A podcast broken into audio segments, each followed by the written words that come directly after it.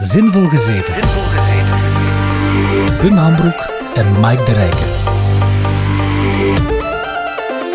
Hallo en welkom bij aflevering 3 van Zinvol Gezever. De podcast over technologie, entertainment en alles wat dat ons vandaag vooral interesseert. In de hoop dat jij het ook natuurlijk interessant vindt. Mijn naam is Mike de Rijken en naast mij, digitaal weliswaar, zit alweer Mixmaster Wim Hambroek. Dag Wim.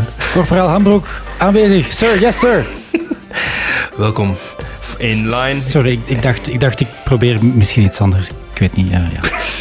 Elke, elke, keer, elke keer opnieuw, jong. Elke keer opnieuw iets proberen. Ja, het, is, het, is, het is een zoeken naar het, het zichzelf continu verbeteren. Nu ja, verbeteren, het is te zeggen. Het uh, op, op, op uh, nieuw uitvinden, zo. Ja, ja, ja. Ik probeer ook iets anders. Ik, probeer, uh, ik heb hier iets naast mij van ongeveer 12 jaar oud. Het zit in een glas en het ruikt heerlijk. Interessant. nee, ik heb uh, een keer mijn uh, baarkast opengetrokken. Dus uh, vandaag podcasten we met een triple distilled Auchentoshan single malt Scotch whisky van 12 jaar oud. Jawel. Het is een whisky podcast geworden. Ja, dat zou ik nu ook weer niet zeggen. Maar het is wel zo dat... Um, ik ken er geen fluit van, maar ik vind dat wel heerlijk om dat zo professioneel voor te lezen, zodat ja. ik weet waarover ik aan het praten ben. Ik, ik weet niet veel van whisky. Ik, ik drink het wel graag. Allee, zo op zijn tijd. Ik heb een vriend die daar ook zo helemaal into is en dan komt hij soms aan, oh, ik heb een Glenlivet, dat, dat van zoveel jaar. En zegt ik, dan zeg ik, doe maar, uh, geen probleem. Doe maar, doe maar. Hier is een glas, een proper glas. Schenk ja, maar in. Zo'n zo Wim, die, die lust dat wel eens op zijn tijd. ja, wel, dat, dat wil ik nog eens zeggen van, ik krijg die vraag ook veel gesteld. Heb jij zo'n barkast met ja, het zij likeuren, het zij whiskies, dat, zo daar heel, dat is er heel mooi staan daar, maar waar je weinig aankomt? Of zet je iemand van, ik koop een fles puur functioneel voor uit te drinken? Meestal, ja, ik heb een soort van barkast in de zin van, ik heb een kast waar wel een paar flessen in staan, maar meestal gaan die relatief snel op. die staan daar niet lang. De, er is nog wel een redelijk snelle rotatie, zeg maar. Ja, voilà. Van nieuwe flessen. Alhoewel, sinds het hele lockdown-gedoe wat minder, want dan zijn er wat minder uh, gelegenheden om, uh, om dat uit te schenken natuurlijk. Oei. Um, dus Oei. Nu, nu is de rotatie ietsje minder, maar dan koop ik ook gewoon minder. Ik heb wel, wat er al heel lang staat, om over whisky uh, dan toch gesproken, zo'n verloren fles Jack Daniels. Oei. Um, ja, maar nu gaan dat, er zo uh, een aantal monocles uh, eraf vallen. Eigenlijk, hè, je moet altijd een single malt. Hè. Dus de... Is Jack Daniels... Ja, maar ik vind dat ook niet lekker, hè, Jack Daniels. voor de duidelijkheid. Zo, ik heb het nog niet gedronken. Eens, ja, dus... Ja, dat is, dat is zo'n hele standaard whisky. Weet je, dat is gewoon een whisky cola te maken. Ah, ja, Daarvoor de, is dat voor, goed. Voor te mixen. Maar op zijn eigen drinkt hij dat niet. Ja, wel, ja, ik, heb er een, ik heb er een aantal. Dat is van, ik heb ene keer gezegd van dat ik graag een whisky dronk. Uh, dat was toevallig uh, de... Ik ben even de naam kwijt. Dat is een Japanse... Mm, mm, mm. Ik ben even de naam kwijt. Ik ga er nog op komen straks. Ja, aan mij moet je het niet vragen. Ja, maar ja, Wim, ik had wel gerekend op je expertise, hè, vriend? Ah, ja. ja, maar ja. Uh, ja, de Japanse whiskies. Wacht, dat zal ik even mijn... Kom, kom, zeg. maar alles in Nika. Nika. N-I-K-K-A. Ah, okay. Nika Barrel, barrel Aged. Um, ik zeg, ik, ik had dat een keer gekregen ooit. Ik zeg van, hm, ik drink dat graag. Nu geeft iedereen mij altijd whiskyflessen. ik, heb, ik heb voor mijn dertigste verjaardag, uh, waarvoor ik enorm dankbaar ben, heb ik een uh, fles uh, Macallan 16 jaar gekregen. Ah, en ik heb gezegd, oké, okay, dat is ook al geen goedkope fles ook zo van. Dus dan, ja, mijn lekenbrein denkt dan van, ah ja, dat moet wel een goede zijn. Spoiler, dat was een hele goeie. dat was een hele goeie.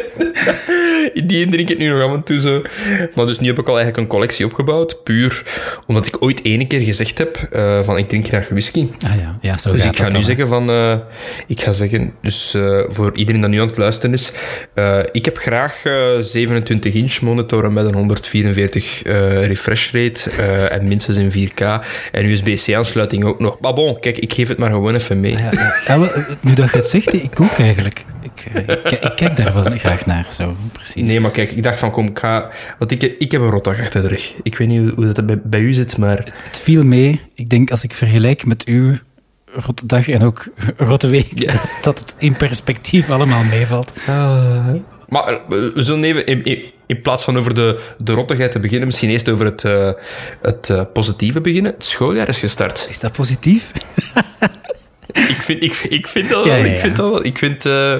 Hoe, hoe zijn uw eerste dagen gegaan? Ik had het aan u. Ehm, ja, ça va. Direct vol een bak bij mij. Eh, elke dag de hele dag les. En vandaag dan ja, de, de eerste online lessen terug. Die gingen niet zo supervloed als ik had gehoopt. Ehm, maar bon, ik hoop dat ik het toch een beetje heb kunnen structureren, de, de hoeveelheid theorie versus de studenten effectief iets te laten doen. Dat is niet altijd in elke les even goed gelukt, maar... eh, En, en welke... Ik weet dat we veel praten, maar toevallig over de, de techniek van livestreamen. Dat is nu wel iets waarmee ik me mee bezig houd de laatste tijd.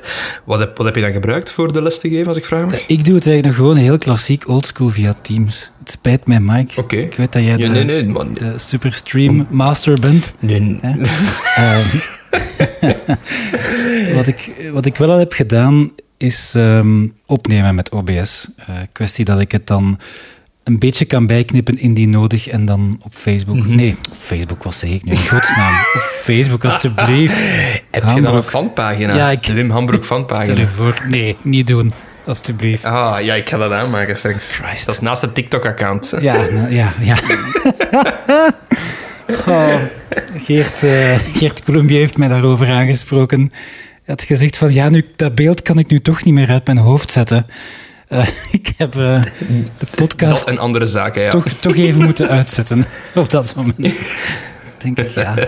Maar ja, die een, ik zie die explicit tag ehm, op iTunes, dat is, dat is zoiets dat we toch elke keer moeten verwerven. Ik zie dat als een uitdaging om daar toch elke keer aan, Ja. aan te voldoen. Maar dat moet niet altijd in de eerste tien minuten hebben. Allee, je doet er ook effectief om. Hè. Ja, oké, oké, oké.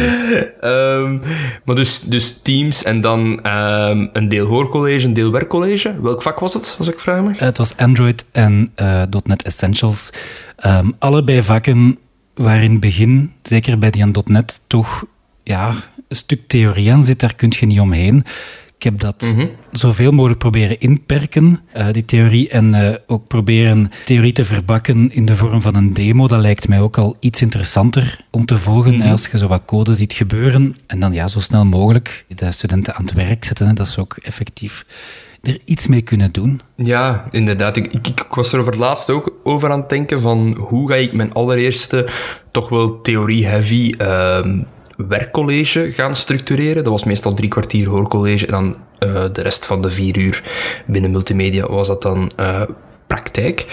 En ik had zo het idee van, want ik kreeg heel veel verschillende principes uit van JavaScript, van de laatste nieuwe versie, van welke trucjes zijn er om beter te werken met arrays, gelijk spreading, resting, etc., destructuring, die zaken. En ik dacht van, waarom ga ik nu drie kwartier aan een stuk praten, terwijl ik eigenlijk gewoon nu thuis, op mijn gemak, een keer kan zeggen van, oké, dit is destructuring. En ik al tap bij wijze van spreken na mijn, van, mijn slides naar mijn code. Ik geef een klein voorbeeld en dit is destructuring. En op minder dan vijf minuten heb ik een minifilmpje dat enkel dat concept aanhaalt. En dan moeten mensen niet gaan scrollen door een eh, filmpje van ja, drie kwartier tot een uur, zeg maar. Want ik ratel nogal snel. Ehm, om, om dan... allee, ja, ik denk dat dat veel leuker is voor de student om dat in hapklare brokken te krijgen. Maar vereist uiteraard meer werk. Want dan moet overal de intro voor geplaatst worden, moet er muziek kunnen er af en toe voor de intro, et cetera, et cetera.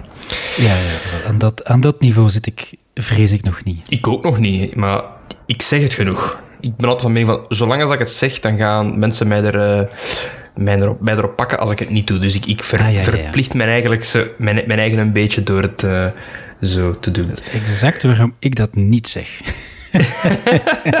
Maar dat is dus, dus toegepast informatica vooral. Wel, ik ben begonnen ook in multimedia. Dus daar is die introductieweek goed van start gegaan. En ik denk om kwart voor tien, herinner ik mij, eh in AD1 mocht ik de derdejaars toespreken direct als eerste persoon eh, met info over hoe ze die eerstejaars gaan begeleiden van de introductieweek en dan nog info geven over dan de multimedia specialisatiecluster. En man, oh, eens dat ik daar op dat podium stond, oh, ik van, die slide stond op. Die werden automatisch stil. Dat zijn derdejaars uiteraard. Dus die werden stil vanaf het moment dat ze zagen dat ik klaar was. En dan was ze van... Ah, deze heb ik gemist. En zo van, ja, dat, dat duurde geen 10 seconden. Of ik zat in mijn element van gewoon praten, weten waarover dat je hebt, die, die info geven, af, af en toe een keer waarschijnlijk een flauwe, maar toch een mop tussen gegooid. Het was zo heerlijk, zoveel energie opgedaan. Dat is leuk. Ik had inderdaad iets gelijkaardigs. Ik had, maandag was het introdag, inderdaad. En dinsdagochtend had ik meteen een eerste les voor de graduaten.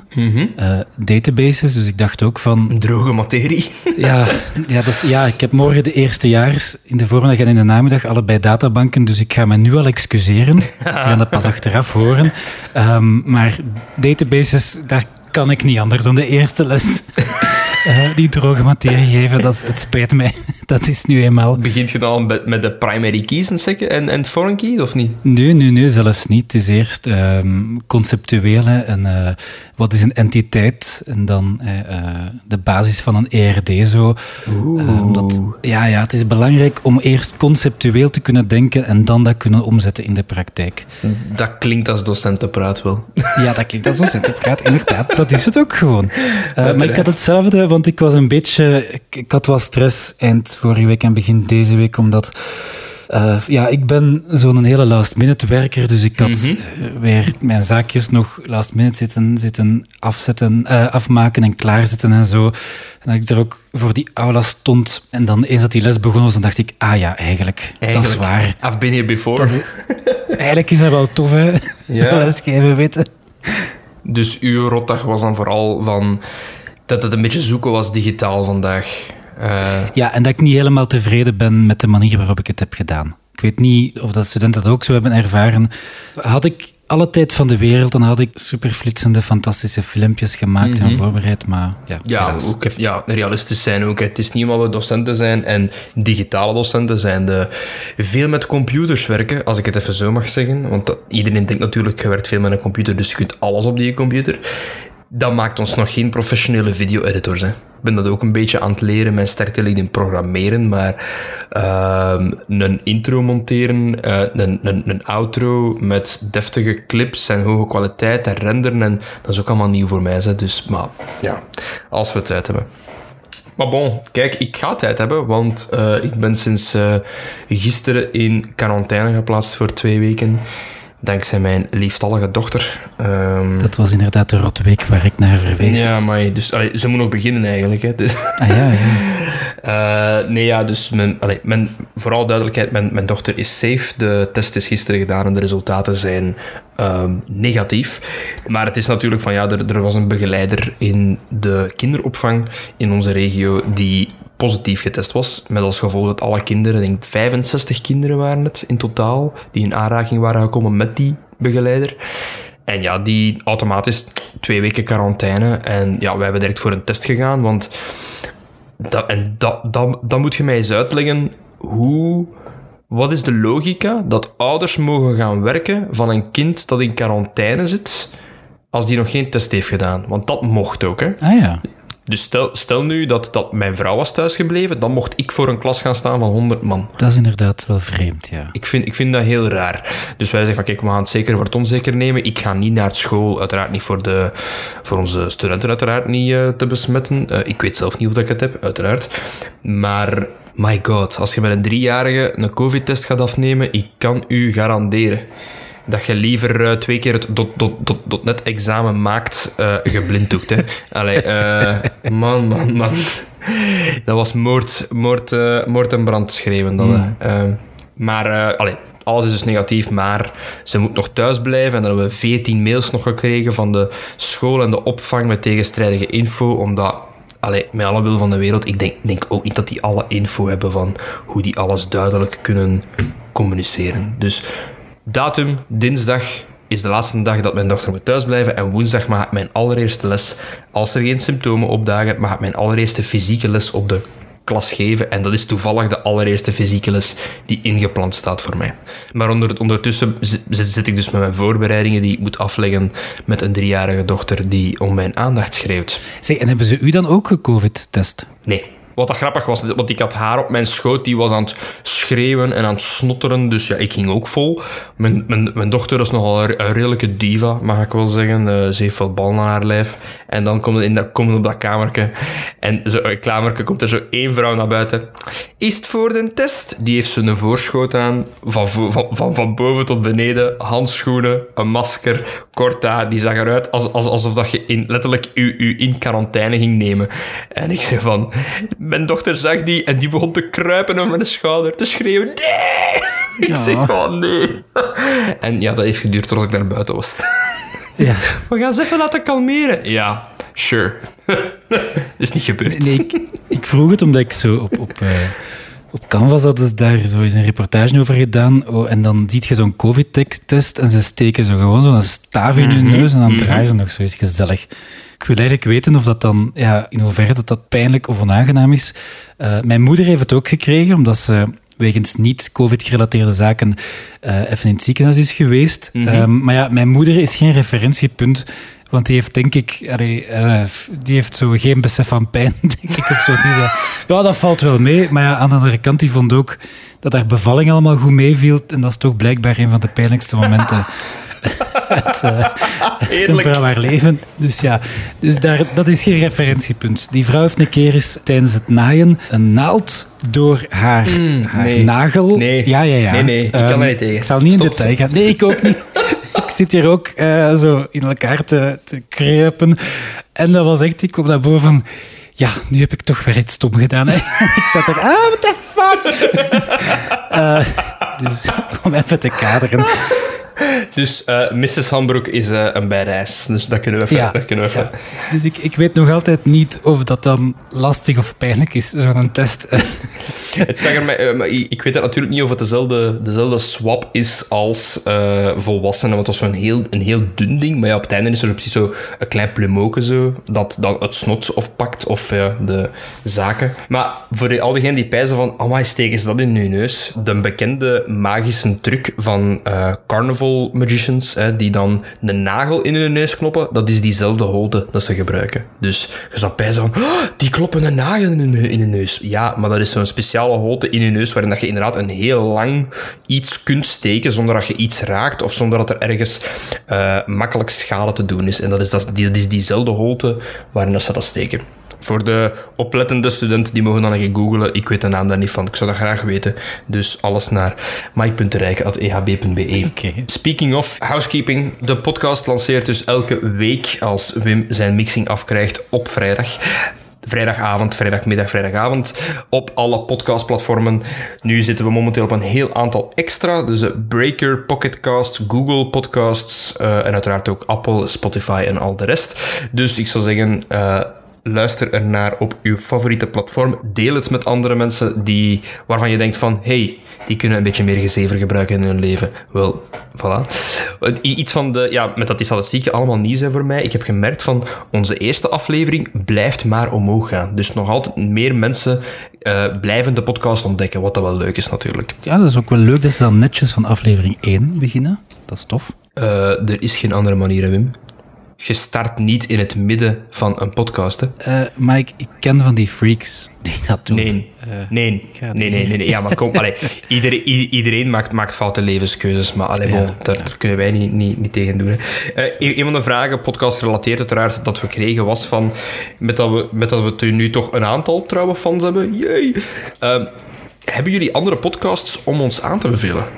En ik ga het even naar u gooien. Naar welke luister jij zo? Mm ja, ik heb die vraag inderdaad zien binnenkomen. Ik heb dan eens mijn podcast-app uh, opengetrokken. Uh, mij ten eerste gerealiseerd dat ik veel te veel podcasts in dat lijstje heb staan. uh, en dat ik maar liefst, hou u vast, ik ben even aan het, aan het nachecken. ik heb tien podcasts die over Star Trek gaan. Elf. dat meen. Elf. ik dacht dat ging zeggen, ik, ik, ik, ik heb elf podcasts. Ik zeg, ah, ja, oké, ja. Nee. Elf die over Star Trek gaan. Ja, om maar te zeggen, uh, ik, vond dat, ik vond dat zelf ook wel confronterend, moet ik, ik ga, zeggen. Ik, ik, ga, ik ga het even houden bij... Kun je de twee beste eruit nemen? Anders zitten we hier nog keihard lang. Dus, dus de Star Trek podcast zal ik even buiten beschouwing uh, houden. Um, de persoon die de vraag had gesteld, die vroeg van hey, welke interessante podcasts luisteren jullie nog en dan voornamelijk Nederlandstalige. En het eerste waar ik aan dacht, eigenlijk qua Nederlandstalige podcast, is uh, het Nerdland maandoverzicht um, van Lieven Scheiren en Genootschap. Um, dat is altijd een groep zo semi-vaste mensen. Het zijn heel vaak dezelfde. Soms uh, wisselt dat zo'n beetje intern. Maar dat zijn intelligente en ook grappige mensen die dan het wetenschapsnieuws eigenlijk van de laatste maand uh, bespreken. Dat is zowel technologie als uh, soms biologie. Het zijn heel verschillende zaken, maar ik vind het altijd wel heel, heel interessant. En de, fre de frequentie daarvan is één keer op de maand? Ja, inderdaad. Dat is één keer op de maand zo'n eigenlijk een brok. Uh, het zijn dan ook wel relatief lange. Um, dus ik, ik, luister die zelden in één keer. Maar ik vind dat stiekem ook wel tof. Dat je zo een keer eens een podcast hebt waar dat je dan even aan hebt. Ja, nee, tuurlijk, tuurlijk, tuurlijk. Als je iets, iets langer moet doen. Ik wil eigenlijk dezelfde aanraden. Ik heb hem nog niet geluisterd, maar ik heb zo, wel fragmenten gehoord. Uh, omdat ik, ik, luister enkel um, Engelstalige podcasts. Maar ik, uh, dankzij die vraag ben ik wel gaan kijken, inderdaad. Uh, een van de andere waar, waarmee ik begonnen ben, uiteraard van aflevering 1 barbaren, uh, is er uh, Welcome to the AA. En dat klinkt Engels, maar het is uiteraard van Alex Agnew um, en Andries Bekkers, als ik me niet vergis. En die hebben altijd iemand te gast. Uh, ik, ga er even doorscrollen. De laatste, uh, Amelie Albrecht, Peter Mulders, uh, Gunther Lamotte, Danila, Dalila Hermans, zo die zaken. Dus ja, vooral bekende Vlamingen, zeg maar. En uiteraard, ja, het zijn zelf bekende Vlamingen, dus die, die kunnen die gasten strikken. Um, en dan daarmee in discussie gaan. Het zijn ook wel meestal kleppers van rond de twee uur, zie ik juist. Maar ik, ik was daar begonnen toevallig aan aflevering 1 en die dateert van, als ik mij niet vergis, ergens in 2018. Ja, april 2018. En dat was met Marcel van Tilt. Uh, en dan zo, daar gaat hem daardoor. Was ook heel, heel aangenaam, maar je kent Alex Agnew. Als hem aan het spreken is, durft hem al wel eens een mopje te vertellen die iets vunziger is in deze stem. Ja, dus daar moet je een beetje voor zijn. Ik, ik, ik heb het, uh, ik vond zijn eerder materiaal beter dan, dan zijn later materiaal qua comedy, maar het lijkt zo dat het niet allemaal pure comedy is van hem. Dat zijn dan van die, uh, van dat soort podcasts, dan hangt heel vaak ook van de gast af natuurlijk. Hè. Inderdaad, gelijk ik zie Luc, Luc Wijns, Xander de Rijken, uiteraard Thomas, ja, mij. En dan The Breakfast Club. Oké. Okay. Mijn podcast dat, dat, dat, ik luister, die zijn vooral gaming gerelateerd. Omdat ik, ik vroeger las ik alles, maar ik heb de tijd niet meer om alles te lezen. Um, dus ik volg uh, vooral één gezelschap. Dus uh, zoals ik al zei, ik ben begonnen in 2010 met een PlayStation podcast. Wel, dat is, die stond uh, aan het hoofd daarvan stond Greg Miller, die toen voor IGN werkte. Dat is een heel populaire website. Die heeft intussen zijn eigen bedrijf, Kinda Funny. En die hebben een hele reeks aan materiaal. Die hebben ook van die non-gaming materiaal, de Kinda Funny podcast. En dat is inderdaad van, ik denk de eerste aflevering van de Kinda Funny podcasts, zoveel jaar terug, was uh, dus elke persoon op de podcast brengt één vraag mee waar dat ze over gaan discussiëren. Dus ze zijn met vier, dus dat zijn vier vragen per aflevering. En de eerste vraag van de eerste persoon was: Of all the, uh, the Disney princesses, which one would you fuck? Voilà. En dat, dat, dat was okay. de toon direct gezet. Ik, ik, ik vond dat heel grappig. Van, en, en natuurlijk na, de, na bepaalde shootings in Amerika, het zijn Amerikanen, dan ging het dan daarover. Dus dat was een hele mooie balans tussen volledige nonsens en diepgaande, soms politieke uh, gesprekken ook. Dus kind of funny in zijn algemeen, die materiaal, ik vind die, perso die pers persoonlijkheden dat erachter zitten, vind ik heel leuk. Maar persoonlijk Kind of Funny Games Daily. Elke dag één uur al het laatste, nieuw van, laatste nieuws van, van in de gameswereld. Um, en dan hier en daar nog eens een speciaal... Uh, The Beastcast is ook zo een. Dat is ook een grotere. Dat zijn de twee die ik altijd luister. Maar ja, dat is eigenlijk van qua podcasts. Ik luister maar een handje vol. Ik heb er geen vijf van een bepaald iets zoals jij van Star Trek. Uh, ja, ik luister heel veel. Uh, ik heb voornamelijk ook naast dat Star Trek gezever, uh, twee Doctor Who podcasts, maar dat er zijn mm, veel mm. comedy zaken, ook qua ja, radio documentaires, maar ik denk niet dat onze luisteraars daar echt in geïnteresseerd zijn. Misschien nog twee aanraders die ik ga doen. Mhm. Eentje daarvan is Interne Keuken, omdat het gewoon het beste radioprogramma ter wereld is. Einde verhaal.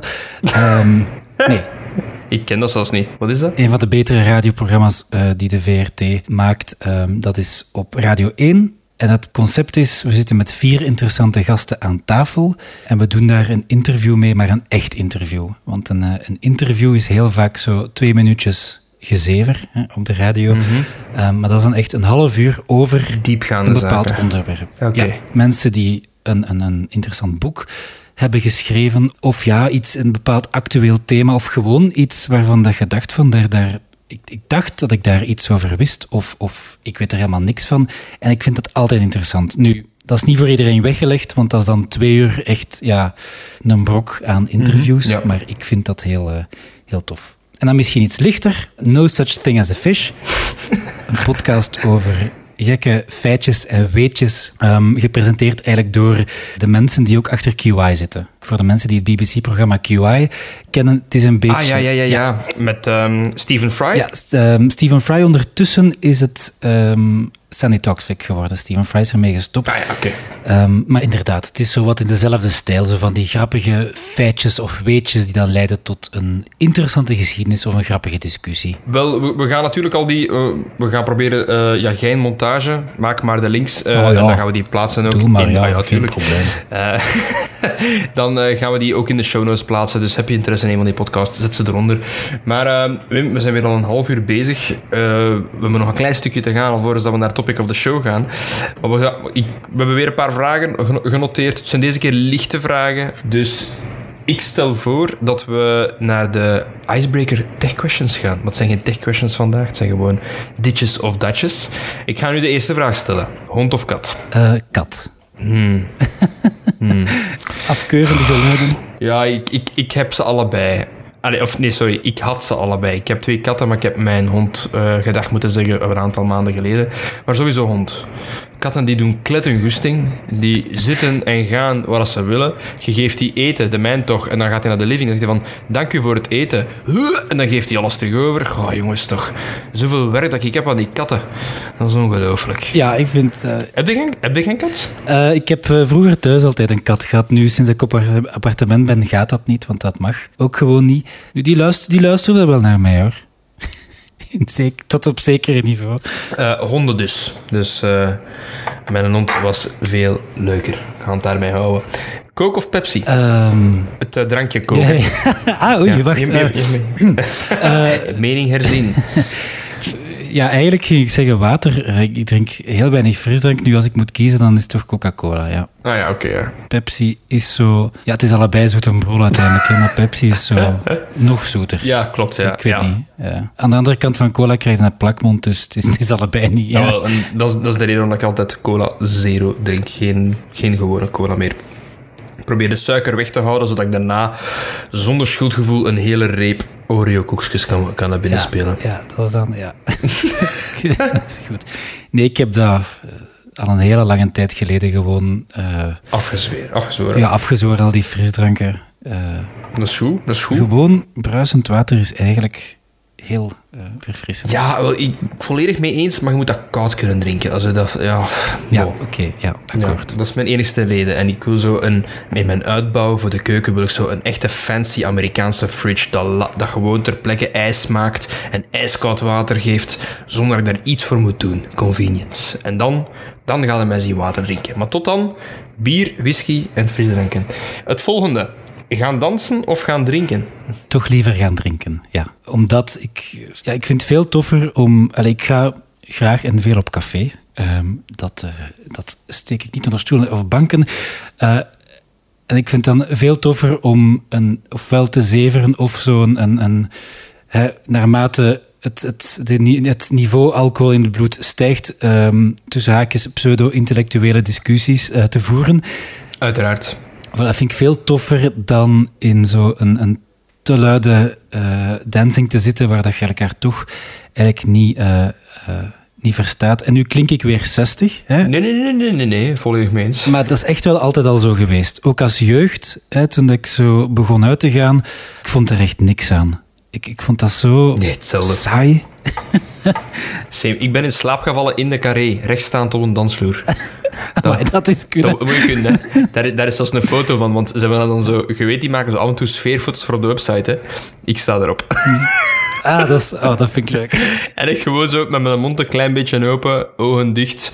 En gewoon, en zoals we dat pijzen van die kerel is stoned of zo, of iets in die genre. Maar nee, ik was echt gewoon aan het slapen. Mijn, mijn toenmalige vriendin, nu vrouw, heeft me zo een goede porn moeten geven. Zeg, als, niet, als, als, als je het niet tof vindt, gaan we naar huis, hè.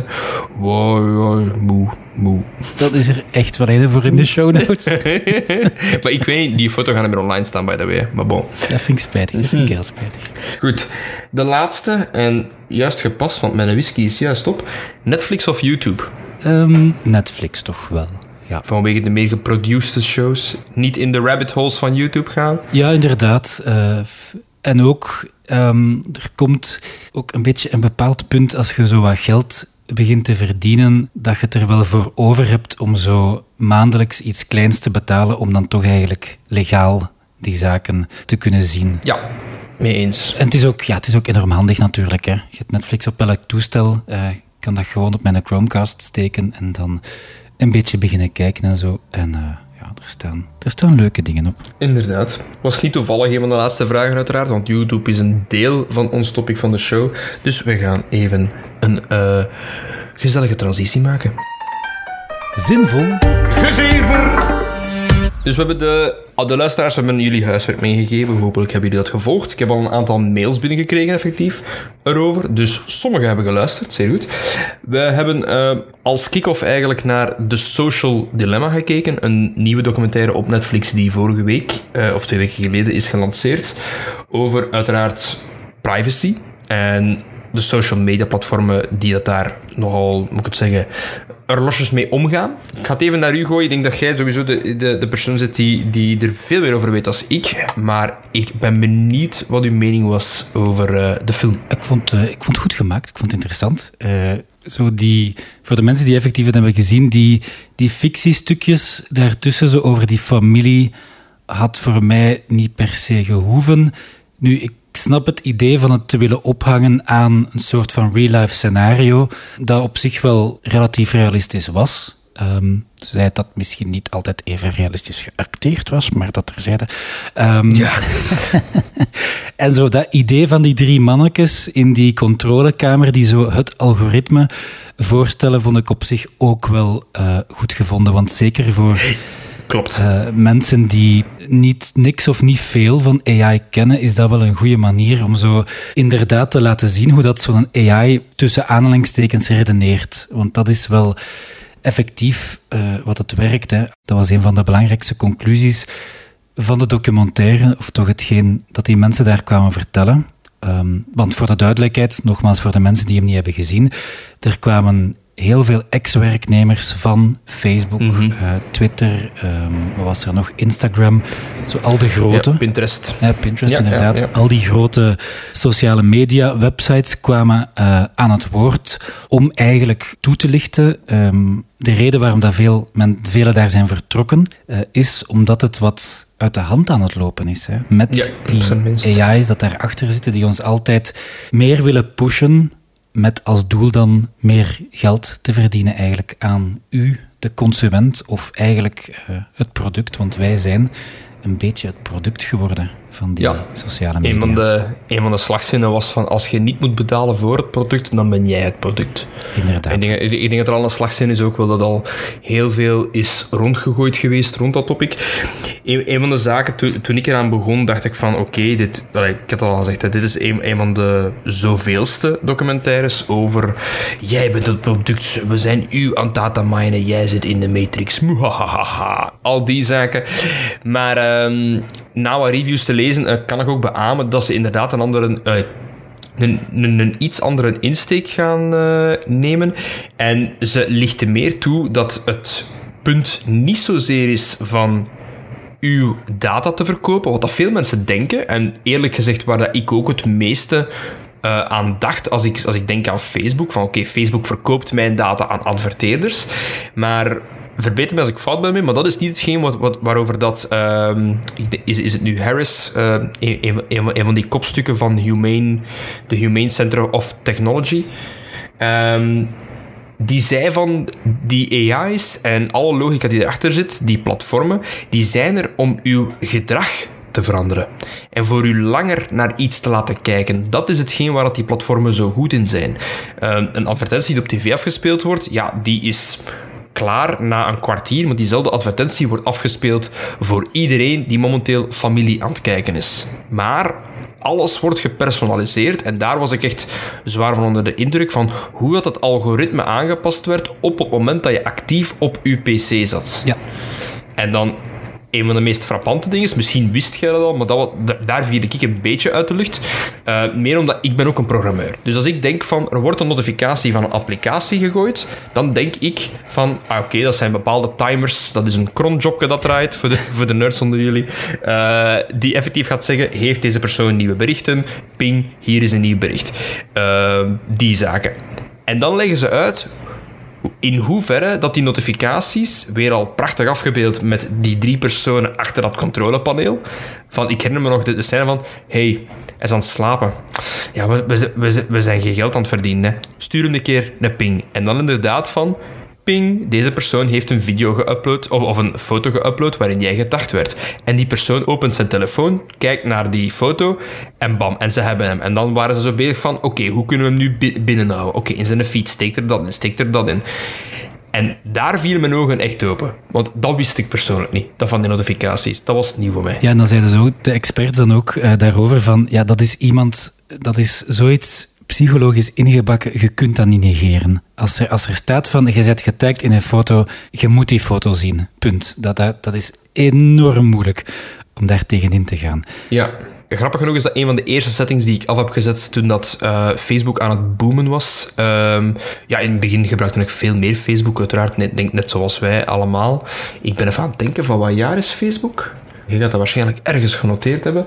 In mijn middelbaar had ik dat al, denk ik. Dat. Ik heb veel genoteerd, maar inderdaad, ik heb dat nog niet. Ik, zal het, eh, ik ben even aan het... Kijken. Ja, nee, maar dus Niet aan het googlen, maar aan het DuckDuckGoen trouwens. Uiteraard, Eh, uiteraard. Al de nerds, ja, maar je moet, je moet de, de open source variant van DuckDuckGo gebruiken. Nee, is niet waar. Daar gaan we straks over hebben, over, over search engines, maar bon. Maar inderdaad, van, ik, ik herinner me nog Facebook in het begin, iedereen voegde foto's toe van, hey, jij Ja, op dat ja. feestje. Tag, tag, tag, tag, tag. En het was gewoon een wedstrijd om het zoveel mogelijk mensen te taggen. Dat was nog in de tijd dat, dat de UI van Facebook niet had van... ehm, foto met Mike de Rijke en drie vrienden. Nee, nee, nee, nee, nee. Dat was een foto van Mike de Rijke en dan alle volle namen daar letterlijk gewoon boven die foto dat je op kon doorklikken. Eh, 2006 is het publiek gegaan. Dus 2003 tot en met 6 was hem zo bezig op zijn universiteit. En 2006 is dan effectief publiek gegaan.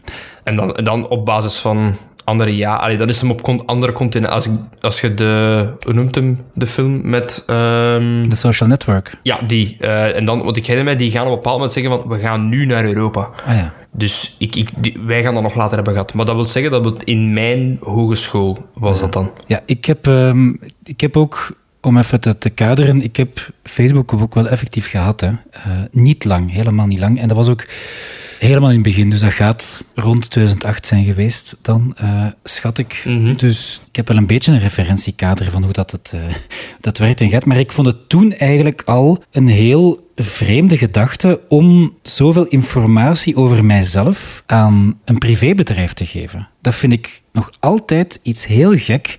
En je weet eigenlijk niet wat dat ze ermee doen. En dat is misschien ook nog iets dat ik wil zeggen in context van deze discussie. Data op zich zijn niet slecht. Het is vooral wat je ermee gaat doen en wat steeds groter wordend probleem is eh, met dat soort bedrijven, is dan de combinatie van de verschillende data die ze hebben van je profiel in combinatie met je surfgedrag, in combinatie met welke tabs dat je open hebt, in combinatie met de dingen die van je gsm binnenkomen, de locaties waar dat je geweest bent, en al die dingen samen, dat wordt in dan zo'n AI gestopt en die gaat dan eigenlijk proberen u ja, te manipuleren, is eigenlijk wel het juiste woord, om dus meer kliks te doen, om meer te interageren met dat platform, om dat niet meer los te willen laten. Dus het is heel, heel verslavend. Het is heel verslavend en ik- van een, een, een aantal voorbeelden dan. Hè, eh, van, ik denk een, een aantal maanden geleden was het voor de allereerste keer dat ik van Google, ik heb een Android-telefoon uiteraard, eh, ik gebruik heel af en toe een keer eh, Google Maps voor ergens te geraken. En ik zet mijn locatie normaal gezien enkel aan voor die Google Maps. Ik gebruik dat niet. allee, dus apps hebben daar geen toegang toe. Die staan nooit niet aan eh, in mijn settings. En waar gaat- waarschijnlijk gaat er mij nu iemand zeggen: Ja, maar je moet dat in de diepe settings afzetten voor generiek, generiek gebruikt. Ja, oké. We weten allemaal dat, dat al, elk social media platform een expert is in het verbergen van de belangrijke settings daarin. En ik kreeg ineens een mail. Hi, thi- this is your overview of where you have been for the last month. En ik zo van, oké, dat, dat, dat is een phishing mail, hè. En nee, dat was een officiële Google mail die mij gewoon, zonder dat ik het vroeg, een overzicht gaf met een kaartje erbij waar en wanneer ik overal geweest ben en hoe lang. Ik zo van, what the fuck? En toen heb ik inderdaad, in, denk dat was, dus denk dat dat een klein jaar geleden is dat, dat ik dat bericht heb gehad. En dan zeg ik van, oké, deze moet hier afstaan. Dat kan hier toch niet zijn. En ik krijg dat nu nog af en toe, maar dan staat daar enkel de data in die ik gebruikt heb voor, als ik effectief Google Maps gebruikt heb voor de GPS bijvoorbeeld. Maar dat was, dat was behoorlijk beangstigend van, shit, Allee, niet dat ik... Allee, en dan iedereen... Er is ook een heerlijke discussie over, over te hebben. En dat is de mindset die ik redelijk lang vastgehouden heb. Tot een jaar geleden. Als ik niks slecht van plan ben, maakt het dan uit dat ze mijn data hebben? Ja, dat, eh, dat, dat argument is, vind ik eigenlijk een droog argument. Hè, Zo het ding van, ik heb niks te verbergen, dan begin ik al een beetje te zuchten, vrees ik, want dat is niet waar. Inderdaad. Iedereen heeft dingen te verbergen. Als je zegt, ik heb niks te verbergen, dat is goed. Ga dan naar de eerste persoon op straat. eh, vertel die dan eh, op welke politieke partij dat je stemt, eh, hoeveel dat je verdient, welke pornosites dat je graag bezoekt, welke categorieën op die sites dat je dan meestal bekijkt. Ehm, als je dat allemaal aan die persoon zomaar wilt zeggen, ik denk dat dat bij de meeste mensen toch voor minstens één van die zaken die ik heb opgenoemd niet het geval is. Of bijvoorbeeld uw thuisadres en vertel dan misschien ook even erbij wanneer dat je dit jaar op vakantie bent. Uiteraard. dat ze even kunnen langskomen, want Mike, ik heb daar nog wel een aantal leuke games die ik misschien zou willen, willen meepikken. Dus, Ja, dat is juist. dus om maar te zeggen, er zijn altijd dingen te verbergen, is misschien is dan ook zo een beetje een tendentieus woord. Hè. Maar er zijn dingen die je niet noodzakelijk wilt, dat iedereen weet. Eh, ja, ik heb enkel porno onthouden, maar bon. Eh, Earning the explicit tag on iTunes. ja, het is dat. Tjaka, Ik, vind dat in de montage zo, van zodra dat het eerste expliciete ding valt, dat ik zo een, een ding moet monteren van, ah, daar is hij, de explicit tag. We have, we have been here. Ja, dus dat het is in orde. Er is al een, een F-bom gevallen in het begin, dus ik zal hem daar plaatsen. Ja, dan. va, dus dan weten de mensen ook wat dat was. dat in het begin zich afvroegen, tja, wat was die ping? En dan nu de realisatie. Eh, in Inception. Nee, maar inderdaad van... Maar bijvoorbeeld om, om, om, om het nu bij eh, porno te houden. Allee. Hè, er is, als, je, als je denkt dat incognito-modus niet zaken doorstuurt naar Google... Helaas. Voilà, ja, hela- helaas. Oké, dat, dat wordt misschien niet lokaal bijgehouden op je PC. Dus voor de studenten die nog thuis wonen en nog een thuis-PC gebruiken die ze delen met andere mensen. Ik zou dat niet kunnen persoonlijk, eh, maar ik snap dat dat soms, soms het geval is. Het staat niet op je PC, maar dan nog. Google weet welke sites dat je hebt bezocht. bezocht. Google weet eh, hoe lang dat je op een bepaald filmpje of hoe lang dat je aan het twijfelen hebt geweest tussen twee categorieën. Dat is allemaal, zit allemaal in die AI-bot, bij wijze van spreken, waar we het daar juist over had. En in extenso daarvan nodig ik iedereen uit om eens te surfen naar myactivity.google.com. Oei, oei. Dan krijg je eigenlijk een tijdslijn van, eh, van activiteit die, eh, die Google van u bijhoudt. Dus dat is uw web- en app-activity, location history, YouTube history, zit er allemaal in. Nu, bij mij staat het allemaal uit. Je kunt het sinds een tijdje ook eh, effectief uitzetten. Dus bij mij staat daar bar weinig op, maar dat is misschien voor sommige mensen ook wel een keer eens interessant om te zien wat er dan effectief allemaal doorstond. Oh, ik en dat vind- is nog ik maar vind een, dat niet leuk. Ik vind, ik vind dat niet leuk. En dat is inderdaad, zoals je zegt, Mike, dat is nog maar een klein deeltje. Hè, want inderdaad, welk filmpje eh, bekijkt je, hoe lang, dat gaat allemaal in dat algoritme. En zelfs dan, als je denkt van, weet je, kan mij niks schelen. Oké, eh, kan als je, als je dat niet erg vindt, ça va. Maar wat dat mij het meest uh, verontrustte eigenlijk in die documentaire. Ik heb eigenlijk drie grote keywords mhm. Opgeschreven. Addictive, daar hebben we het over gehad. Mhm. Ze proberen nu echt door middel van psychologische manipulatie ja, verslaafd te krijgen aan het platform. Maar wat ik ook heb geschreven is manipulatie en polarisatie. Hè. Dus dat, de addictive, dat, dat verslavende, is deel van die manipulatie. Maar als je dan ziet dat... Ehm, ja, bijvoorbeeld, de, het gaat nu even heavy worden, mhm. eh, de zelfmoordcijfers bij kinderen en dan ook echt jonge kinderen spectaculair stijgen. Uh, sinds 2009, dus sinds de introductie van social media op smartphones eigenlijk. Ja.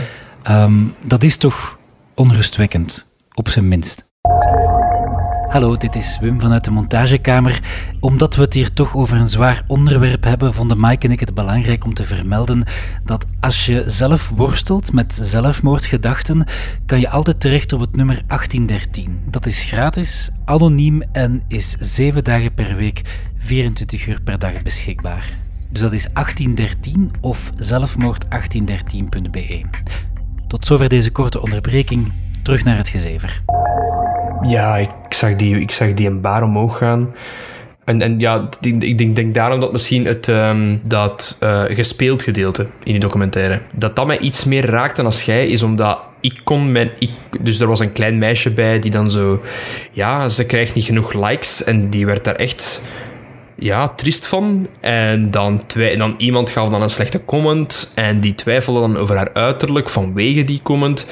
En ik was gewoon even in de plaats van dat meisje, was ik mijn oudere dochter aan het voorstellen. Ik zei van, waar, als wij nu al zo fucked zijn, ding. Uh, ik, ga het niet blijven doen. Waar gaan, ah, ja, maar ja. waar gaan wij dan naartoe voor mhm. onze kinderen? En ik heb nog redelijk, jonge kinderen, denk ik. Hè, dus drie en één. Dus op zich valt dat goed mee nu. Maar ja, bon, binnen... Als die naar de lagere school gaan. Ik zie nu al kinderen van de lagere school. En lager, dan bedoel ik echt tussen de 7 en de 10. Hè. Nog, nog niet wat. Maar tussen de 7 en de 10 die een iPhone hebben. En dan moet je mij een keer zeggen... En natuurlijk, ja, vanaf dat je een kleine... Een, een kleine ja, dat zijn kleinkinderen. Vanaf dat je een kleine een iPhone geeft dan zet die erop wat je wil. Hè. Je mij ga je niet zeggen dat die allemaal zeer mooi, zeer mooi parental locked zijn. Hè. Allee, bedoel, en ja, vanaf dan hebben die toegang tot social media. Dus die, ik denk dat Facebook de leeftijdsbarrière 13 is. Ja, inderdaad. Wat dat uh, ook een uh, dikke bullshit is, uiteraard. Hè, want ja, ze liegen erover. Hè. Ja, tuurlijk. En, en dat is ook uh, uw 13 en uw, de rest van de puberteit. Dat is echt de leeftijd waarin dat je ja. gaat spiegelen aan uw leeftijdsgroep. Um, en als je inderdaad van die mooie Insta-foto's ziet met allemaal filters, met de perfecte gezichten, ja, dan is het natuurlijk heel gemakkelijk om je snel minderwaardig te voelen. En effectief, dat ook gaat. Dat is blijkbaar een ding, dat het, het, het aantal likes op je post, dat dat iets heel, dat dat een waarde, um, allee, dat wordt echt zo'n status-ding uh, eigenlijk. Mm -hmm. hè. Mhm. Als dan te weinig geliked wordt, dan dan voelt je ook effectief, uh, effectief slecht.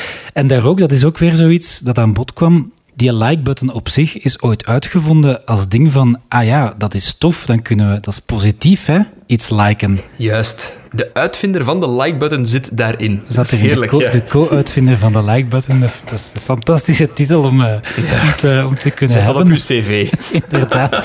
Die zei dat zelf ook van, ja, we dachten, allee, we waren daar, dat was iets, in heel, iets heel positiefs, maar dat dat dus nu eigenlijk is geëvolueerd in iets dat, ja, waar dat je je eigen zelfwaarde aan meet, dat is, uh, ja, dat is verschrikkelijk eigenlijk. En dat is met veel van die, van die zaken, van, van die sociale media, dat dat zo'n beetje boven de hoofden van iedereen die ermee bezig is, eigenlijk is gegroeid en dat dat zo'n beetje een monster is geworden. Hè? Dat we uh, niet helemaal meer onder controle hebben eigenlijk. Ik denk dat dat... Uh, er, er, was dan ook een deel in, de, in het gerechtshof dat, er, dat, dat ze zeiden wij hebben het gemaakt en wij kunnen het onder controle houden. En dat de meesten erover zeggen van that's just a flat out ja, lie. They cannot control ja. it. Want het is al te laat, hè. Ik, ik ga heel even... Um, ik, ik, heb, ik ben eigenlijk begonnen hier aan school als, als onderzoeker. Hè. Ik was halftijds onderzoeker, halftijd docent. Vorig jaar ben ik uh, eh, 100% docent geworden, uh, wegens redenen, uh, maar dat is een verhaal voor een andere keer.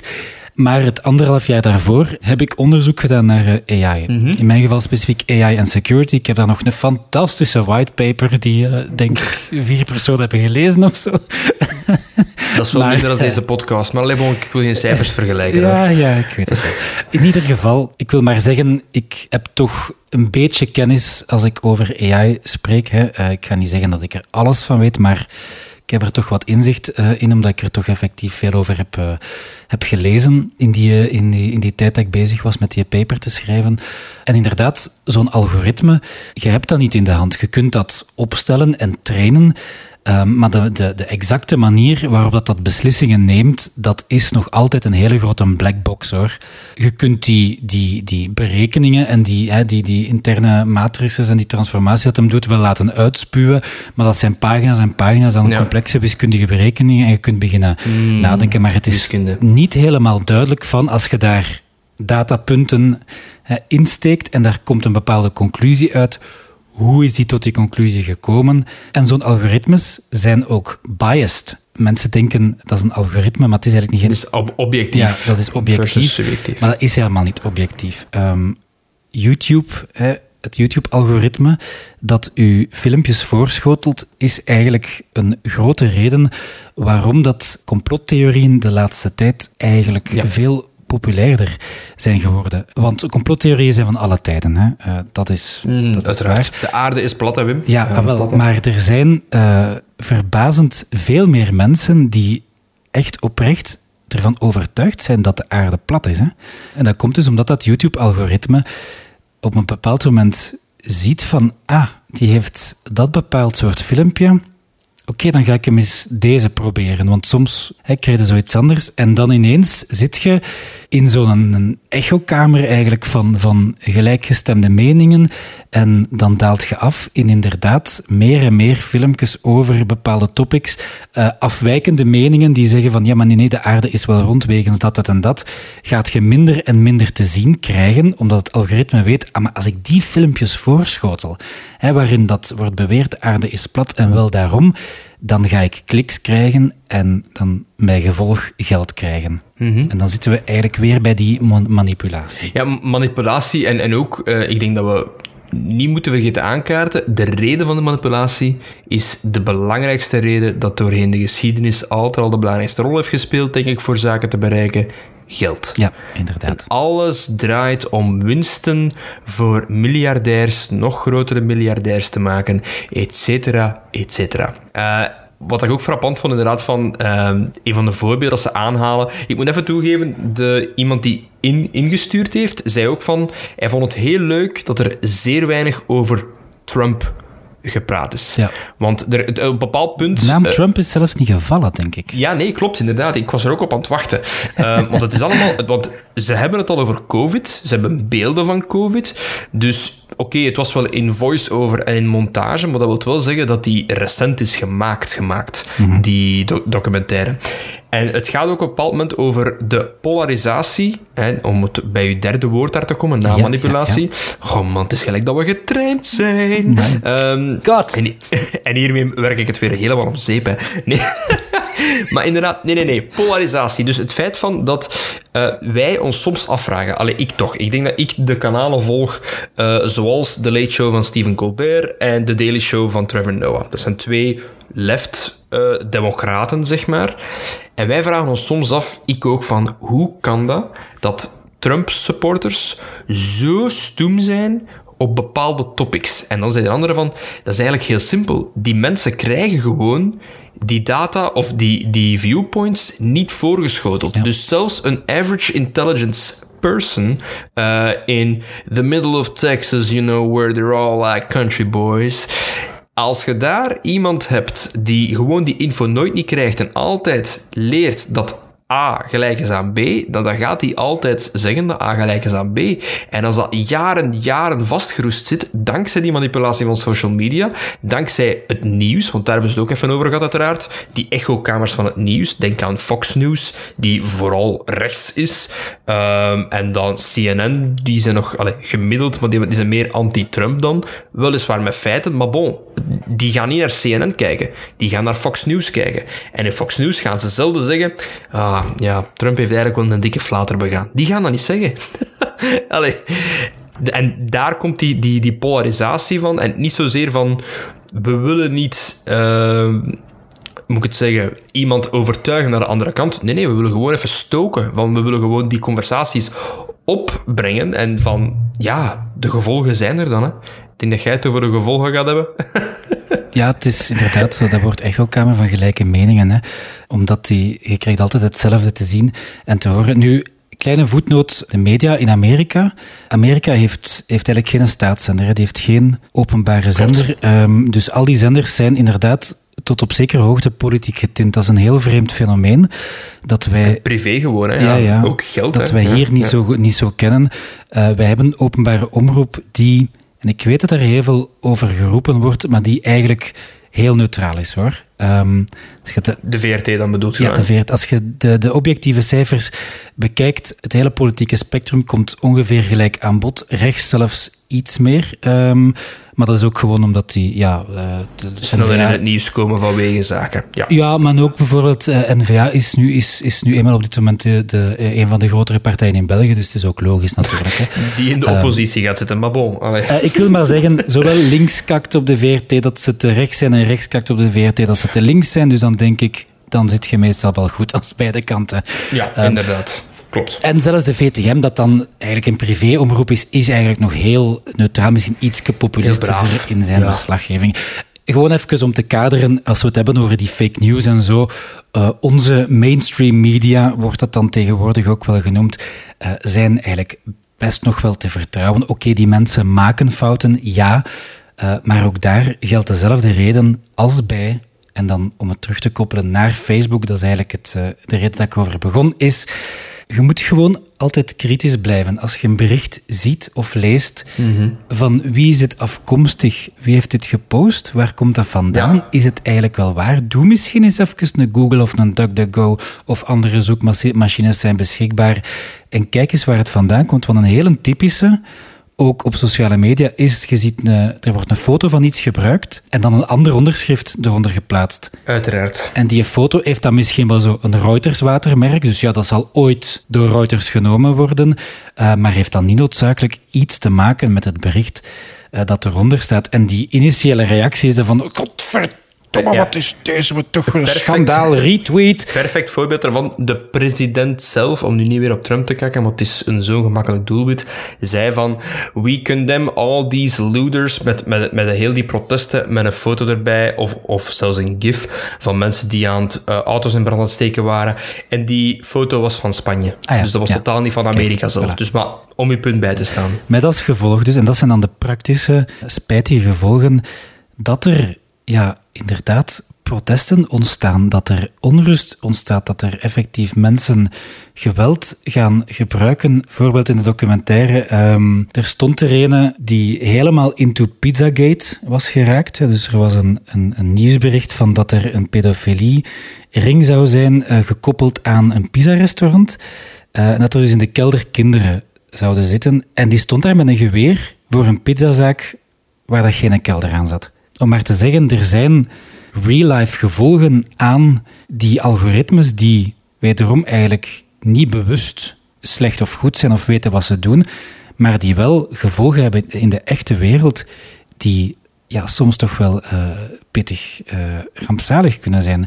Uh, die mens is er gelukkig goed van afgekomen, maar voor hetzelfde geld was hem ook neergeschoten. Hè? Om met de huidige tendens van Amerika, als die persoon zwart was, was die waarschijnlijk ook gewoon neergeschoten. Dan had hij misschien een probleem, ja. Dat is, dat is ook het triestige verhaal, hè, van altijd ja. van, die worden, ja, echokamers, hè. Ik denk dat je dat, dat ook kunt trekken naar andere gedeelten van ja, Amerika is nu makkelijk om te zeggen, omdat Amerika zo die, die, die uh, zoveel het nieuws is daarover. Maar denk bijvoorbeeld aan uh, geradicaliseerde jongeren in België die naar Syrië vertrekken. De, de befaamde Syrië-strijders ik kan mij ook voorstellen dat vanaf het moment dat je in een netwerk komt waar bepaalde filmpjes worden getoond die langzaamaan die radicalisering starten en dan worden geleid naar andere plekken waar andere filmpjes staan die niet meer gefilterd zijn door YouTube en dan ga je daarin verder. En zo wordt het, al eens maar, allez, wordt het alsmaar erger. En dat gebeurt ook door die al algoritmes. Hè. En het is inderdaad, die langzaam is het, is het correcte woord. Het gebeurt heel langzaam en heel rustig. En het is daarom dat je het vaak ook bewust niet echt doorhebt dat het aan het gebeuren is. Dat je eigenlijk langzaam aan het overtuigd geraakt bent van een, een bepaald punt dat niet, uh, ja, dat misschien eigenlijk op niks gebaseerd is. En het, het, frapp, het frappantste kwestie, allee, voor een bijna topic af te sluiten naar, naar een van de belangrijkste dingen van wat, wat, wat kunnen wij doen. Een van de grappigste dingen vond ik op het einde van, uh, ik weet nu niet, was het nu in de credits of vlak voor de credits? Um, en jullie kinderen? Uh, mijn, kind, ah, ja. mijn, kinderen gebruiken geen social media. Ik verbied het. Al die former heads van bepaalde plekken. Nee. En sommigen hebben screentime en de auteur van 10 Reasons Why You Should Delete Your Social Media Profile of zoiets, uh, die een boek, die dat ook van, allee, het is buiten zo mooi. Dat is het standaard antwoord zo, hè. Ga, ga van die pc af. Allee, kom. Ja, ja, ja. En dan nu zit... Dat zeiden mijn ouders vroeger ook wel aan mij. Ja, zie je hier nu zitten? Een, een uur voor, om te praten, nota bene, een uur en zoveel minuten voor uw pc zitten. Uh, ik heb nog ook een leuke om af te sluiten van uh, Jeroen Baart. Oké. Okay. Dat is een computerwetenschapper, comedian ook. Werkt ook mee aan de Nerdland-podcast. Um, het was een reactie op het bericht 78 van de jongeren. Blijkbaar volgt het nieuws via sociale media. Uh, waarop hij zegt van... Sociale media brengen geen nieuws. Het zijn shoppingcentra waar elke oetlul du jour met de dikste portefeuille kan kiezen wat er wordt opgebraakt tussen communiefoto's en de nieuwe tuinstoelen van hun nicht. Zeer mooi. Vertrouwen op sociale media om u een goed, chronologisch en breed spectrum van opinies en waarachtig nieuws te geven, is vertrouwen op uw heroïnedeler voor uw maandelijkse medische check-up. Je gaat maar één ding horen en zien, namelijk hetgeen dat u doet terugkomen. En dat is wel een mooie samenvatting, vind ik. Ah, mooi. Wat, wat, wat kunnen wij concreet doen, Wim? Dingen die ik alvast eigenlijk uh, deed en, en, en doe, en blijf doen naar aanleiding van uh, hetgeen dat we hebben gezien. Een van de simpelste dingen, dat ook de student die had gemaild, had ook gezegd van ik heb eigenlijk meteen mijn notifications uitgezet. Uh, dat is ook het eerste wat ik doe als een app mij notifications stuurt, ik zet dat af. Uh, ja. Ik moet dat allemaal niet hebben. Ik, ik zal wel naar de app gaan als ik wil zien of er iets nieuws is. Um, een van de weinige uitzonderingen daarop is WhatsApp, maar dan heb ik nog gezegd dat die geen geluid mag maken. Ja. Ook eentje, uh, een gemakkelijke, is uh, kies uw permissions. Uh, alle apps als je ze installeert, vragen meestal als je bepaalde acties doet, permissions, en denk dan eens na, heeft Twitter of Facebook uw locaties echt nodig? nee, die een app zal best ook wel, ook wel werken. Hè. maar ze moeten toch weten van, van waar ik aan het tweeten ben. Ja, ja, Zoals ik zei, al die tracking van Google kunt je afzetten. Ik veronderstel ook uh, uh, dat Apple wel iets gelijkaardig uh, geeft. Um, leg de telefoon soms even weg als je tv aan het kijken zit of ik weet niet wat iets anders aan het doen bent. Ik neem zelf soms, maar dat, dat is misschien extreem, ik neem soms zelfs een dagje pauze dat ik hem gewoon eigenlijk in een andere kamer lig en er eigenlijk een dag niet naar omkijk. Ah, daarom kan ik je soms gewoon niet contacteren. In het vervolg voilà. verwittigden wij wel, hè, vriend. Nee, maar ja, dat is ik, ik maar te wachten. Waar is de mix van mijn podcast? En dan ja, Leonie in mijn oor, waar is de mix van mijn podcast? Ja, maar ja.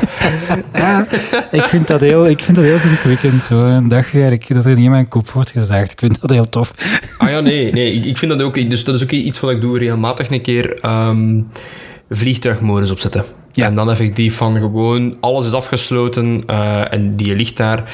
Uh, ik, doe dat, ik doe dat enkel bijvoorbeeld van ik zet mijn gsm altijd, denk s'avonds of zo, als ik ga slapen, altijd in vliegtuigmodus. Mm -hmm. Altijd. Ja. Tenzij dat mijn vrouw niet thuis is. Ah, als mijn vrouw niet thuis is, laat die altijd opstaan dat zij mij kan bereiken als er iets is, maar anders nooit niet.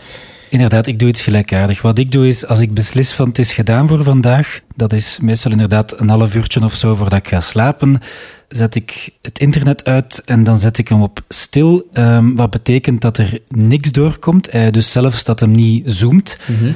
Maar mijn prioriteitscontacten die ik als favorite heb aangeduid, als die zouden bellen, ja. Hè, maar, en ook enkel bellen, dan gaat hem af. Want inderdaad, als er iets is, ja. als, als mijn mind midden van de nacht belt van er is iets mis, ja, dan, dan wil ik graag.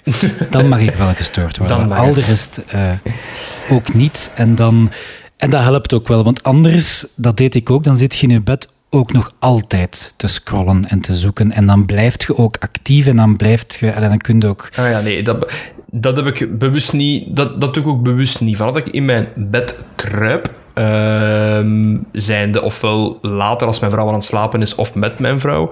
Um, ik neem, er, neem de gewoonte van niks van social media. Het nieuws probeer ik ook gewoon direct weg te leggen. En het enige wat er dan nog gaat is de iPad voor een eh, boek te lezen of een bewust spel te spelen. Ja. Geen, en uiteraard geen mobile game, uiteraard. Slay the Spire tegenwoordig op iPad, zeer aanraden. Maar bon. Ehm, nee, maar ja, dus allee, iets bewust van, ik weet dat dit gewoon een vorm van entertainment is en dat is het. Maar geen info meer opdoen, want we doen al genoeg info op gedurende, gedurende de dag eigenlijk. En dan misschien nog de laatste twee heel gemakkelijke zaken voor tijdens het browsen. Ja, ik heb al gezegd, ik gebruik DuckDuckGo om dus die Google dingen ook wat te vermijden. DuckDuckGo heeft ook een extension die u komt waarschuwen als sites niet te vertrouwen zijn. En Privacy Badger is ook een hele goede extension Die die, heb ik, ja. eigenlijk trackers gaat filteren en gaat blokkeren. Ik ben aan het twijfelen, want allee, even voor de duidelijkheid, welke social media platforms hebt jij wel? Ehm, eh, na lang zagen van mijn vriendengroep heb ik WhatsApp geïnstalleerd, eh, omdat je dan groepsgesprekken kunt doen. Is, is, is dat zo erg, WhatsApp? Ja, het ding is, je weet, soms weet je het ook moeilijk. Hè. Ehm, er wordt gezegd dat er end-to-end encryption in zit. Eh, aan de andere kant heb ik ook op hun website gelezen dat als de, de, bijvoorbeeld de emergency services, hè, de, de ambulance of zo, vraagt om eh, ja, berichten op te vragen of de politie, dat, dat ze dan data overdragen. Welke data is dat dan? Ik, ja, dat is, Ja, oké. het is, je hebt er ook niet altijd zicht op, maar wat. Maar, ik- ah, wel, maar, maar ik, ik denk wel dat van al de platformen... Ik zit op redelijk wat. Ik, ik- uiteraard Facebook, Instagram, ehm, LinkedIn, eh, WhatsApp... Pinterest heb ik recent aangemaakt om... om, om ik weet niet meer waarom, maar bon, ik heb het aangemaakt. Eh, je ziet, de nonchalance komt naar boven. Twitter heb ik ooit een keer... Twitter is een feed dat je moet volgen. Dat heb ik direct afgesloten. Ik snap het nut niet van Twitter als je, als je eh, populair bent. Sorry, als je niet, niet populair bent. Dus als je, als, als je, als, als je geen BV bent of zo, waarom ga je een hoeber... Ik vind dat een goede manier om met je fans te interageren. Maar voor de rest...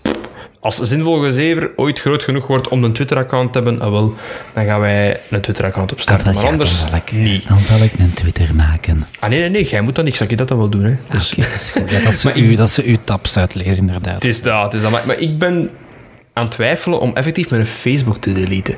Ah ja. Omdat, omdat ik er genoeg van heb. Instagram doe ik nog omdat ik moet ergens kunnen iets promoten. Eh zijn dus de Zinvol Gezever podcast en zo. Eh, en het grootste bereik kwam tot nu toe van mijn Facebook en van mijn LinkedIn.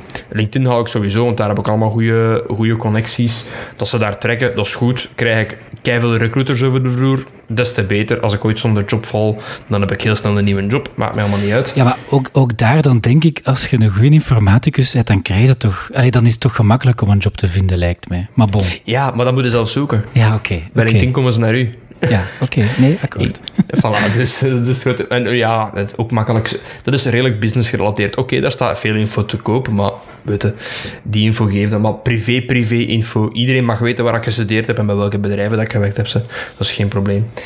Eh, en ook hoeveel ik verdiend heb. Maar dat is van een andere podcast. Ehm, Ja, maar dat zorgt voor statusangst, hè. Maar bon. Andere podcast. dat, daar heb ik geen ding.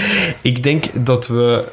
We zijn al een tijdje bezig, precies. Ja, ik had, ik had wel gedacht dat dit eh, een onderwerp was waar dat toch wel wat vlees aan zat. Nou, nou en, en, en ik denk, denk dat we nog kunnen doorgaan. Ik ben eigenlijk benieuwd naar de feedback van de, van de luisteraars. Ja, ik hoop dat we geen te grote stok in het hoenderhoek hebben gegooid. Bah, dat, dat mag altijd. Hè.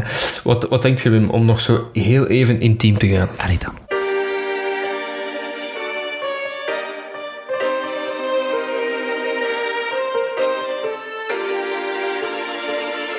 Zinvol. Gezever. Voilà, het gezever. Ik ga... eh, is Oké, een, een van de vragen eh, van de luisteraars uiteraard, die we elke week nu toch al krijgen. De twee weken hebben we al een keer een, toch een aantal mails en berichten gekregen.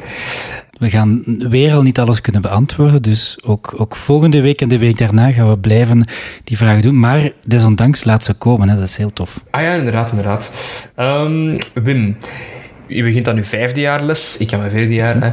Wat, zijn de, wat zijn de lessen die je getrokken hebt eh, doorheen, doorheen My de, God. de, vier, de vier jaren die je al les hebt gegeven? Zijn er zaken die je zegt van, dit wist ik niet en nu ik het weet, oh my god, nieuwe wereld voor mij open? Of zijn er zaken die je zegt van, die dat je bijgeveild hebt, skills doorheen de jaren, die dat u nu beter, eh, tot zijn uiting komen bij uw lessen? Uh, ik vond dat, dat is een van de eerste vragen die we ook hebben gekregen in het begin. Klopt. Ik vond dat tegelijkertijd een enorm goede, maar ook een enorm moeilijke vraag. Omdat, daar, omdat het een, een beetje, het is een constant bijleren eigenlijk, hè, van hoe pak ik het correct aan, uh, wat werkt wel, wat werkt niet. Waar ik wel enorm in gegroeid ben, uh, zeker met, in vergelijking met helemaal in het begin. In het begin was het echt ik stond van voor, ik ratelde die PowerPoint af en ik durfde geen interactie met de klas te doen. Uh, dat was gewoon van uh, zo snel mogelijk erdoor uh, dat ik weg kan voordat ze mij een vraag stellen waar ik niet op kan antwoorden. maar dan heb ik geleerd ten eerste, het is niet erg als je het antwoord niet meteen weet. Dat is een leermoment, want dan kun je het gaan opzoeken en het samen met de studenten uitzoeken. Mm -hmm. en ten tweede, ja, een keer is af en toe een vraag stellen kan ook geen kwaad. Dan, uh, dan blijven mensen erbij. Dan kun je een keer eens even zien of iedereen mee is en zo. Hè. En ook in de werkcolleges in het begin zat ik zo gewoon een beetje van voor te staren. Uh, nu loop ik rond, ga ik eens kijken of alles, uh, of iedereen goed bezig is. En dan merk ik ook dat studenten veel sneller durven uh, mij aan te spreken als er mm -hmm. iets is, als je daar toch in de buurt bent. Ja, als je over hun schouder staat te ja, hijgen. inderdaad. Hey, wat is het aan het coderen? nee, ik, ik ga me daarbij een beetje aansluiten. Ook van, ik uh, herinner me, een van mijn allereerste lessen hoorcollege, dat was twee uur hoorcollege. Ik had de slides gekregen voor twee uur, die door voorgaande docenten was gegeven. Ik ben vanwege mijn zenuwen ben ik doorheen die slides in drie kwartier gelopen. Dus dat was materiaal voor twee uur. Ik stond daar na drie kwartier en ik stond er echt zo van... En de studenten van... Ja, die, die, die waren al volledig weg. maar het was een redelijk grote klas. En, die, en ik zo van... Uh, ja, het is gedaan, hè. En die kijken zo... Maar, maar meneer, wij hebben toch les tot... Hè, het was dan twaalf uur of zo. Uh, ja, maar ik heb geen materiaal meer. Dus ik zou zeggen... Veel plezier. en ik ben naar buiten gelopen. ja, dat is, dat is heel herkenbaar, inderdaad. ja, en wel, maar inderdaad, van het, het, um, ik denk ook, om, om dat samen te vatten, uw eigen stem vinden. Ik heb een bepaalde leerstijl, een, een lesgevend stijl, stijl lesgeven, whatever, uh, die niet elke docent heeft. Ik, allee, ik ben heel persoonlijk, ik gebruik ook heel veel humor in mijn lessen. Puur omdat ik dat zelf ook gewoon aangenaam vind. Van, ik, als, als ik me op, op mijn gemak voel en um, dan, ja, dan merk je dat, van, dat, dat, dat, dat die een band met je studenten beter is. En ze durven inderdaad u ook vragen stellen. En de andere belangrijkste is, je hebt het zelf al een beetje gezegd, een docent moet niet alles weten. Ik ga nu een vak geven uh, dat, dat een clustervak is. En dat, dat clustervak is alle, al, alle soorten technologieën in het web dat maar kan voorkomen. Als iemand dat kiest, moet ik die daarbij kunnen begeleiden. Maar spoiler alert, ik ken niet alle frameworks. Dus, en het is meer van hoe gaan die coachen, hoe gaan die gaan sturen richting de goede zaken. En uiteraard, je leert zelf een beetje mee. Maar het is vooral begeleiden eigenlijk erin. Hè. De coachende aanpak. Ja, hebben we nog uh, net een sessie over gehad. Klopt, inderdaad. En dat gaat ook zitten in de nieuwe opleiding Digital Teaching dat er aankomt uh, eind oktober. Uh, dus digitalteaching.ehb.be, denk ik. Ik zal het in de show notes zetten. Voilà. ik, ga, ik, ga, ik ga volgen, dus ik ga les van u krijgen. Dat gaat nog gek worden. Want jij weet meer over audio dan ik. ik, zal, ik zal proberen niet te veel moeilijke vragen te stellen tijdens uw lessen. Oh nee, ik, uh, ik, je weet, ik ga die uitdaging met, met plezier aan. en je weet dat als jij op een of andere manier mijn verlegenheid brengt, onthoud dat, dat ik heel atterem van de tong ben. Hè. Dus, uh... Ja, ja, ja. Uh, je hebt genoeg chantagemateriaal, denk ik. Ook al. Ik heb er juist nog bon. iets gehoord. Maar bon, inderdaad. Zullen we zeggen een 14? Hè? Zoiets? Ja, zo, ja, zoiets, ja. Dus ja, dat, dat, is goed voor dat mij. Is, dat is in orde. Goed. Zo. Oh shit, nu, nu weten studenten hoe, hoe dat wij punten bepalen worden. ja, lap. Ah, nee. Oh, stel, nee. stel, stel je voor. Even voor de duidelijkheid. Ik heb weer die een disclaimer niet gezegd. Right. Ah ja, misschien op het einde van de show nog even. Uh, uh, de meningen van Wim Hambroek en Mike Drijken in deze podcast stemmen, uh, zijn onze persoonlijke meningen en niet die van EHB. nee, ja, zeker niet. Jongens, toch. Oh man, kunnen we dan een keer niet in de show notes zetten? Ik wist niet dat we dat consequent Moet doen. een, moet ik een jingle maken dan? Ja, ja, dit is van...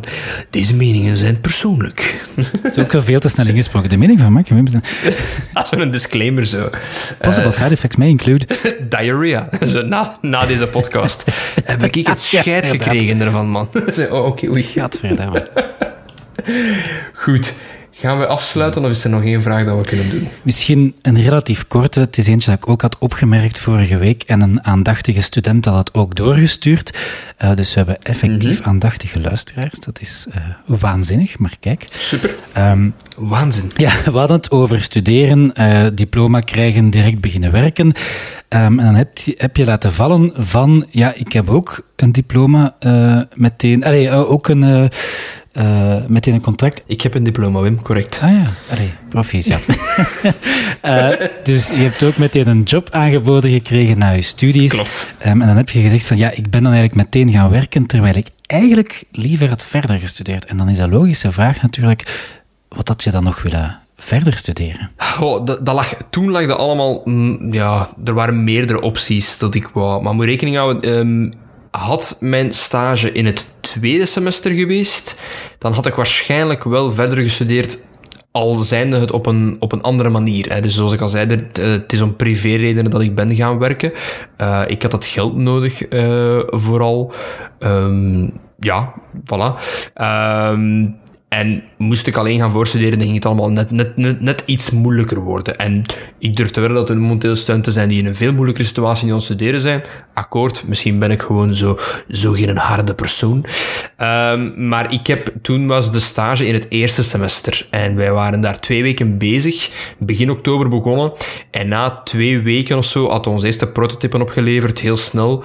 En na dat prototype... ehm, is, hem naar, is een van onze bazen naar, eh, de, heeft hem naar de telefoon gegaan en naar de baas gebeld in Amerika. En hij zegt van, wacht even. En een uur later is hij afgekomen met een effectief contract voor ons allebei. Dus Amai. ja, wel. En dan zo van... eh, ja, ik, ik, ik was wel redelijk goed in mijn stuff. Oké, dat is het enige ding dat ik mijn schouderklopper dat ik ga geven. Dat, dat, dat, dat was ook de reden, omdat ze zeggen van, kijk, we kunnen u echt gebruiken. Maar dat was natuurlijk, ja, het was midden oktober. Som, allee, je, weet dat nu allemaal niet van ehm, ehm, wat ik ging doen. Ik wist nog belangen niet hoe dat mijn tweede semester er ging uitzien. Laat staan dat ik toen al wist wat ik ging voorstuderen. Maar achteraf gezien, een schakelprogramma en een master was het evidente. Ehm, en anders was het iets volledig anders. Dus een andere soort master ehm, met een andere specialisatie was een mogelijkheid. Eh, de VUB was eh, de eerste keuze. VUB en computerwetenschappen.